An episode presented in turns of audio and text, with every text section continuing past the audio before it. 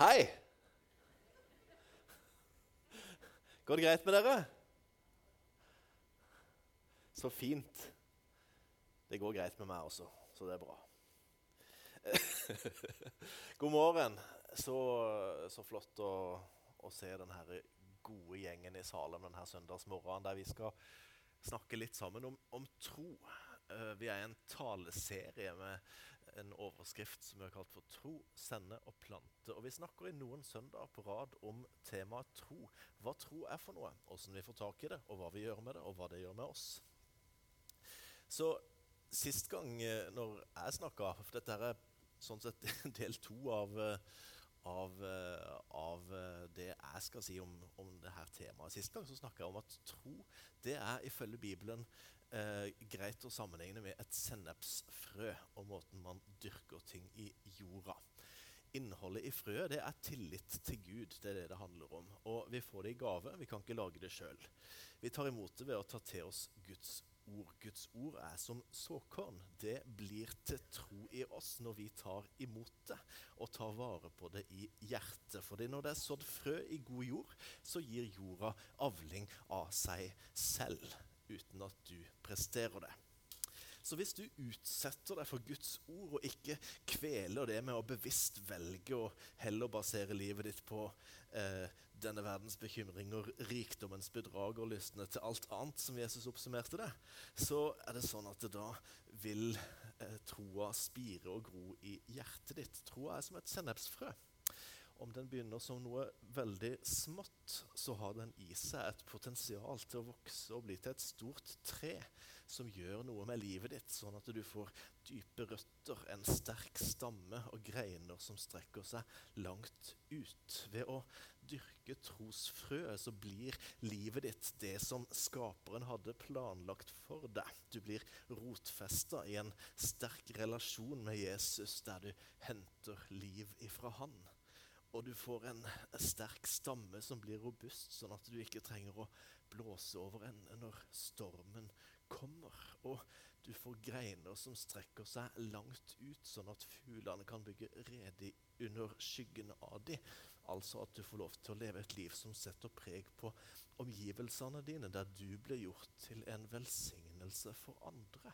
Gud har store planer for deg. Du har i deg et sennepsfrø som kan vokse til et stort tre. Det snakka vi om forrige gang. Eh, og i dag skal vi snakke om troens hvile. Fordi eh, eh, like lite som det er strevsomt for et tre å vokse, like lite strevsomt er det ment å være å vandre med Gud og leve i, i og av tro. Når troa får lov til å vokse og blomstre i livet vårt, så er resultatet at den tar oss inn i en tilstand av hvile ifra eget strev. En tilstand av tillit til at vi er ikke alene i livet. Vi er ikke selv hovedansvarlig for å lykkes i livet. Og vi må ikke bevise vår verdi. Du må ikke bevise at du duger, og du må ikke bevise at du fortjener å være elska. Du kan i stedet bli brakt til et sted av hvile. Og bibelteksten som jeg tenkte vi skulle dykke litt inn i, det er mulig det er litt tidlig på morgenen for det, men jeg må bare si det blir litt bibelstudium i dag. Håper det er greit. Eh, hele avsnittet går, eh, som snakker om denne tematikken litt i sammenheng, går egentlig helt fra Hebrevet kapittel 3 vers 7 til kapittel 4 vers 16. Men vi skal ikke lese hele og ta det helt vers for vers, for da måtte vi hatt enda litt bedre tid. Men poengene skal vi få. Og Vi starter med noen nøkkelvers fra Hebreerne 4, vers 9-11. Der står det at det gjenstår en sabbatshvile for Guds folk. For den som er kommet inn til hans hvile, har også selv fått hvile fra sine gjerninger, slik Gud hvilte fra sine. La oss derfor være ivrige etter å komme inn til den hvilen, for at ingen skal falle i det samme eksempel på ulydighet. Her er det en forhistorie, aner vi. Og det står her om at i gammeltestamentlig tid så ble det gitt et løfte om at det en gang skulle komme dette som de kaller for en sabbatshvile for Guds folk. Og det forteller oss at den hviledagen som er så bra å ha en gang i uka, den er ment fra skaperens side som et bilde på noe mer.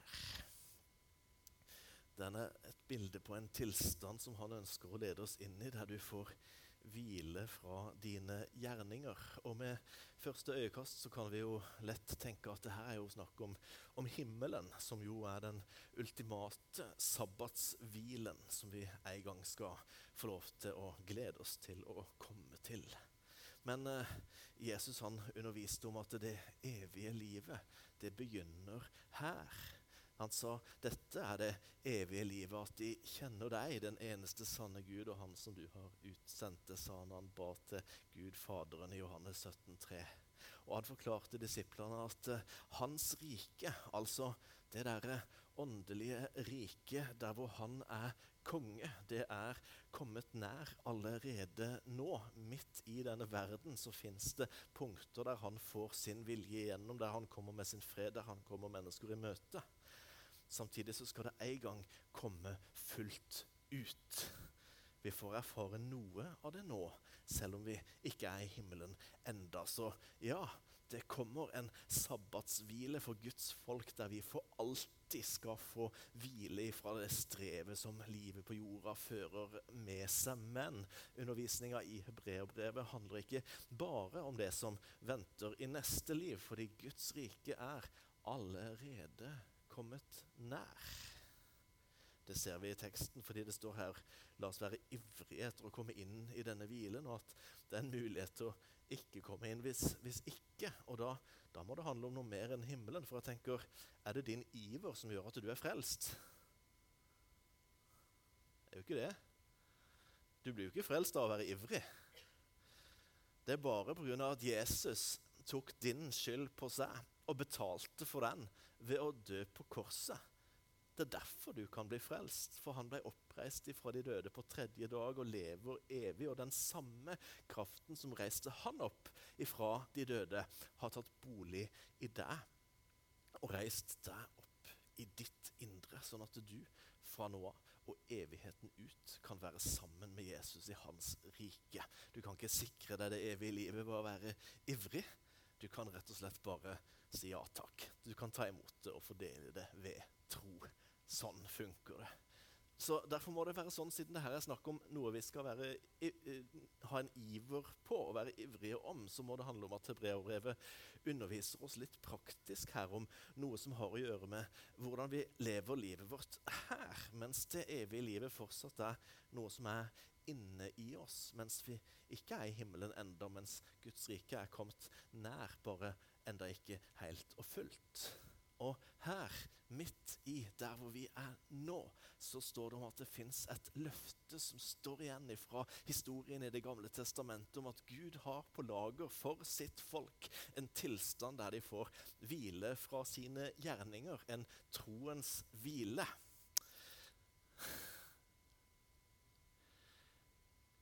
Vi går til Gamle testamentet og ser på hvilken historie de peker tilbake på her. da. Klar for litt kananspråk?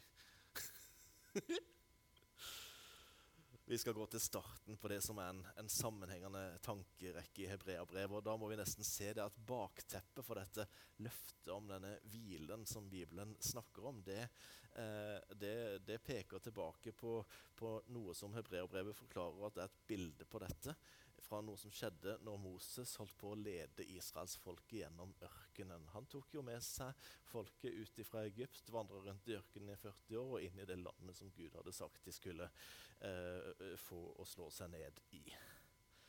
Og underveis her så, så, så skjer det litt forskjellig. Eh, stadig vekk så, så, så, blir folk utålmodige og litt knurrete og kranglete fordi det tar litt lang tid å komme seg gjennom denne eh, ørkenen.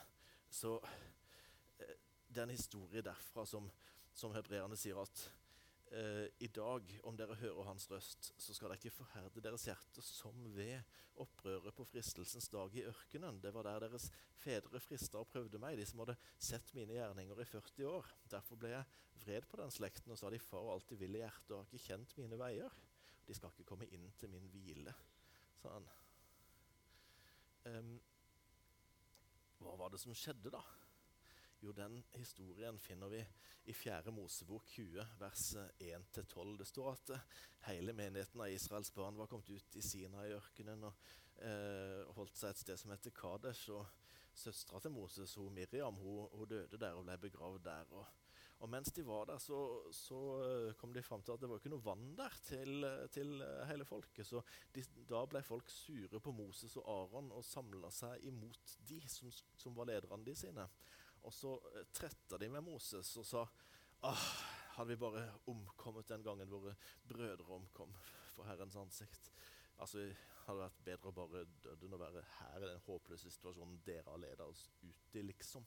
Hvorfor har dere ført Herrens forsamling ut i denne ørkenen, så både vi og dyrene våre skulle dø her? Hvorfor har dere ført oss opp fra Egypt og latt oss komme til dette onde stedet? Dette er jo et sted som verken har korn eller fikener eller vintrær eller granatepler, og heller ikke fins det vann å drikke. Uh, og så skjer det at uh, Eh, Gud, Moses han faller ned si, på sitt ansikt for, eh, for, Herren for å søke hjelp. Og så står det at Herren han taler til Moses og sier ta staven, så skal du og din bror Aron kalle menigheten sammen, og dere skal tale til klippen rett foran øynene deres, og den skal gi fra seg vann. Slik skal du la det strømme vann ut fra klippen for dem, og gi drikke både til menigheten og dyrene deres. Altså står det her Gud hadde lyst til å sørge for at de fikk vann når de trengte vann. Han var forsørgeren deres, han hadde omsorg for dem. Og I tillegg vil han gjøre det som et realt mirakel. Hvem har hørt om at det kommer vann ut fra en klippe hvis du snakker til klippen? Det pleier ikke å skje. Eh, jeg pleier egentlig ikke å snakke til steiner så ofte. Vet ikke hvordan det er det. Jeg pleier ikke å gjøre det. Men jeg vet nok om det til at det heller ikke er noe vits i vanligvis. For hvis jeg gjør det, så kommer det ikke vann ut av den steinen. Um, hva gjør Moses da? Jo, han uh, løfter hånda, og så slår han to ganger på klippen med staven sin. Og da strømmer det fram vann i overflod, og både menigheten og dyrene deres fikk drikke, står det. Så vannet kom jo. Men da talte Herren til Moses og Aron og sa, fordi dere ikke trodde på meg, så dere helliget meg for øynene på Israels barn, skal dere ikke føre denne forsamlinga inn i det landet jeg har. Vet du, Når folk klager, klaga, så, så lot de seg påvirke av denne verdens bekymringer. Hvor skal vannet komme fra? Rikdommens bedrag. Vi hadde fykentrær i Egypt. Og lystne til alt annet. Hvor som helst ellers er bedre enn her. De ble stressa, de ble frustrerte, de ble irriterte. De ble utålmodige, og de skyldte på Moses. Det var hans feil eh, Hebreabrevet underviser oss ikke gjør sånn. Det er summen av de versene vi leste i stad. Eh, ikke gjør som Moses i den situasjonen heller, for han ble prega av den samme vantroa. faktisk. Han hørte jo fra Gud, som ville møte folket ved å gjøre et mirakel for dem. Ved, ved, at han skulle tale til den klippa, og så skulle det komme vann. Men i stedet for å bare gjøre det han hadde fått beskjed om, så tok han staven sin og slo på klippen. Han hadde gjort det en gang før. Da var det det han hadde fått beskjed om. Men denne gangen var det ikke det. Og det kom vann, men han hadde ikke gjort det Gud sa. Hvorfor er det så big deal, egentlig?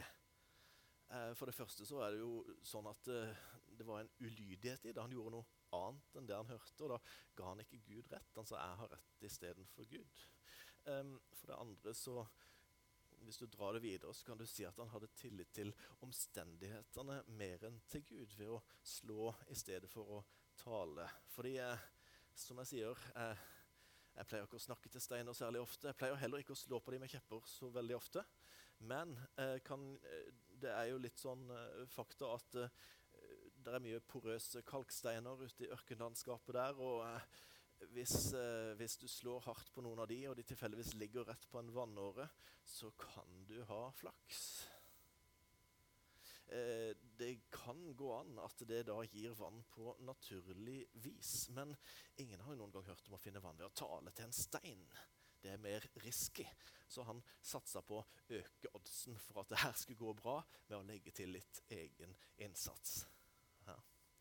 Det var disse valgene som førte til at Moses ikke fikk lov til å lede folket helt inn i løfteslandet, står det. Han gikk glipp av noe ved at han ikke holdt fast ved tilliten til Gud der ved klippen.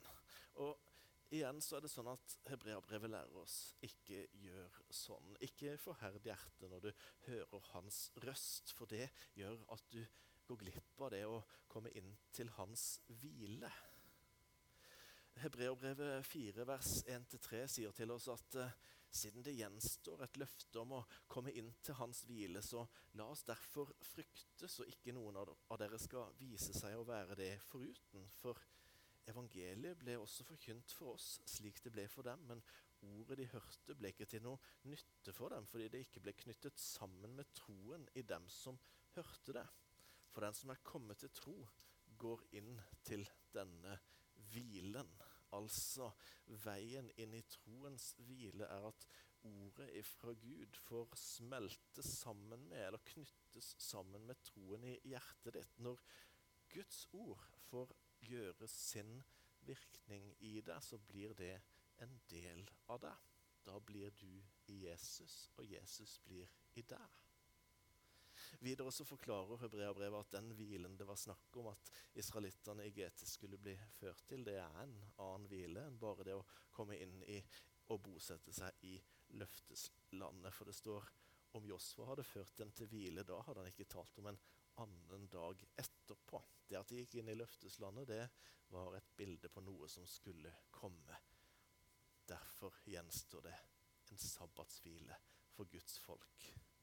For den som er kommet inn til hans hvile, har også selv fått hvile fra sine gjerninger, slik Gud hvilte fra sine. La oss derfor være ivrige etter å komme inn til den hvilen, for at ingen skal falle i det samme eksempel på ulydighet. For Guds ord, som fører til hvilen, er levende og virksomt og skarpere enn noe tveget sverd det trenger igjennom helt til det kløver både sjel og ånd og ledd og marg og er dommer over hjertets tanker og motiver.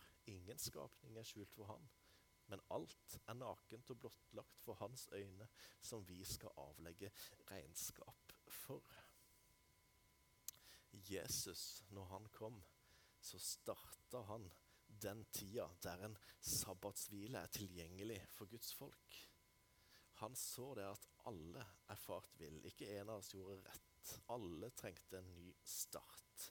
Derfor ga han livet sitt på korset, for at mennesker som ikke lever feilfritt, kan få tilgivelse for synd og en ny begynnelse. Han tok skyldbrevet ditt. Han tok den dommen du hadde fortjent, og det gjeldsbrevet du hadde, og så nagla han det til korset. Og så sa han at ditt liv kan få bli skjult med Kristus i Gud. Derfor venter en evig sabbatshvile i himmelen. Men allerede nå er du velkommen inn i troens hvile, fordi det evige livet med Han begynner her. Troens hvile handler om at du ikke trenger å frelse deg sjøl fordi Han har gjort alt. Den handler om at du kan ha tillit til Han mer enn du har tillit til deg sjøl. Det handler om å la Guds levende ord virke i det. Å komme inn i troens hvile gjør enorm forskjell. Helt praktisk. Å komme inn i troens hvile endrer hva du gjør i dette livet.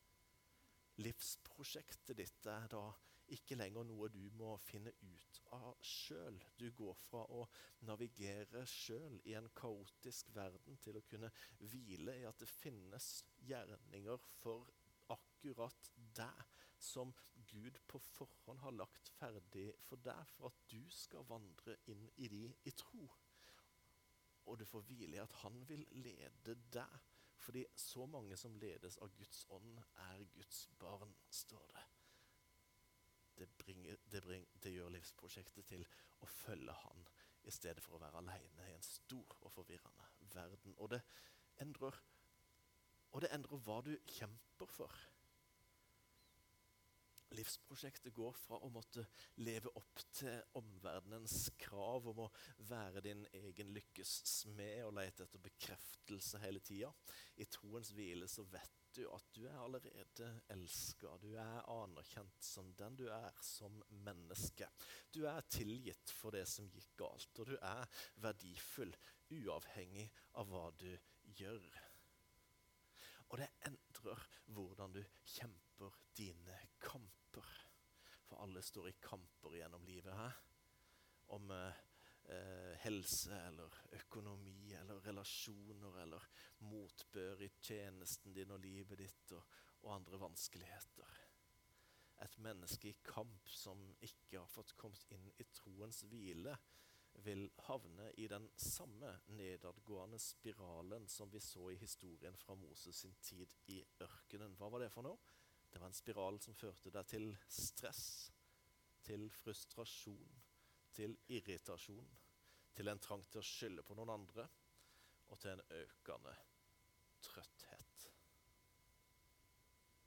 Når troens hvile får gjennomslag i deg, innser du at det er Herren som arbeider i deg, mer enn du som arbeider i dette livet. Han sier, 'Kom til meg, du som strever og har tungt å bære.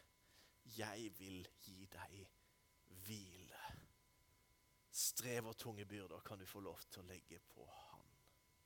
Han sier, 'Ta mitt åk på', fordi mitt åk, det er gagnlig, og min byrde, det er lett. Vet du hva et åk er for noe? Et åk er redskapet du legger på to okser for at de skal dra et lass sammen i gårdsarbeidet. Med en jevn fordeling av byrden. Hans åk, det er åket der du og han drar sammen, og han tar den tunge enden av lasset. Derfor er det gagnlig for deg, og byrden blir lett.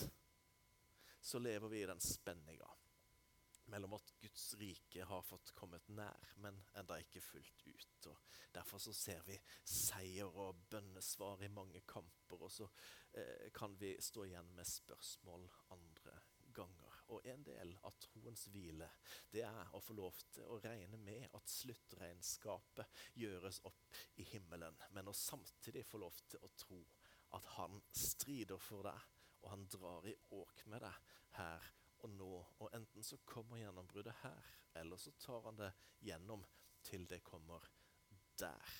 Så troens hvile endrer hvordan du kjemper dine kamper. Det endrer hva slags åk du er nødt til å dra på i livet. Mm. Hoi! Og det at vi trenger iver for å komme inn i denne hvilen, det, det, det, tenker jeg at det må jo rent praktisk innebære at her er det en mulighet for at det går an å bevege seg inn og ut av den når livet går opp og ned. Du kan jo ikke bevege deg inn og ut av frelsen eller inn og ut av Guds nåde eller inn og ut av Guds kjærlighet til deg. Du er hans barn uansett hvordan du har det og, og hvordan du tar det. Men du kan bevege deg inn og ut av det å leve i en erfart tilstand av troens hvile. Stress kan snike seg på, frustrasjon og irritasjon kan snike seg på. Trangen til å skylde på andre ligger veldig nær oss alle. Og trøtthet kan noen ganger ta over. Vet du hva? Du er velkommen tilbake i troens hvile, sier han til deg i dag. Hvordan kommer du dit? Du kommer dit ved at ordet som du hører, får smelte sammen med troen i hjertet ditt, eller knyttes sammen med troen i hjertet ditt. Du kommer inn i det ved å gi plass til Guds ord i livet ditt, og gi Guds ord rett, fordi han er Gud og ikke du. Og la det virke i deg. Vokser det fram, for sånn fungerer såkornet av seg selv gir jorden avling. Velkommen inn i hans hvile. Du kan få legge av byrden og trekke i åk med han istedenfor. Den sabbatshvilen er gjort tilgjengelig. Hvilen der du kan være ferdig bekrefta, ferdig verdifull, ferdig eh, i at han har lagt en plan for livet ditt som er best for deg. Ferdig i at veien til himmelen er ferdig åpna for deg. Ferdig gjort som hans barn for alltid. Hvil i det. Kom hjem til far. Vær hos han. Skal vi ta litt tid i, i eh, stillhet og lovsang sammen. Og, og, eh, og så kan du eh, komme hjem til han. Du kan invitere han til å innta det området av livet ditt som har blitt stress eller irritasjon, og si 'kom med din hvile' istedenfor. Han hører deg. Han vil komme. Han er her. Han er interessert i å møte hver enkelt her og nå, i dag. Det blir mulighet for forbønn hvis du kjenner at det er godt å be sammen med noen. Så er bønnerommet åpna. Sett deg på en stol der inne, på, så kommer det noen og ber for deg etter hvert. Um, vil du uh, knele ved korset der borte, eller uh, stå eller sitte der du er, så kan du det. Bare uh, vær fri. Men han ønsker din respons velkommen, fordi han vil gi deg hvilen tilbake. Jesus, kom og møt oss nå. Takk for at du er kongen vår. Takk for at du er den som har gjort at vi kan få hvile i tro. Hvile i tro uten å prestere sjøl. Vi kan få være dine barn der du har gjort alt for oss. Det er godt, Herre. Jeg ber om at vi får lov til å lene oss tilbake på, på deg nå og eh, eh være og, og fortjene at vi får lov til å trekke i, i åk med deg, Herre. I Jesu navn. Amen.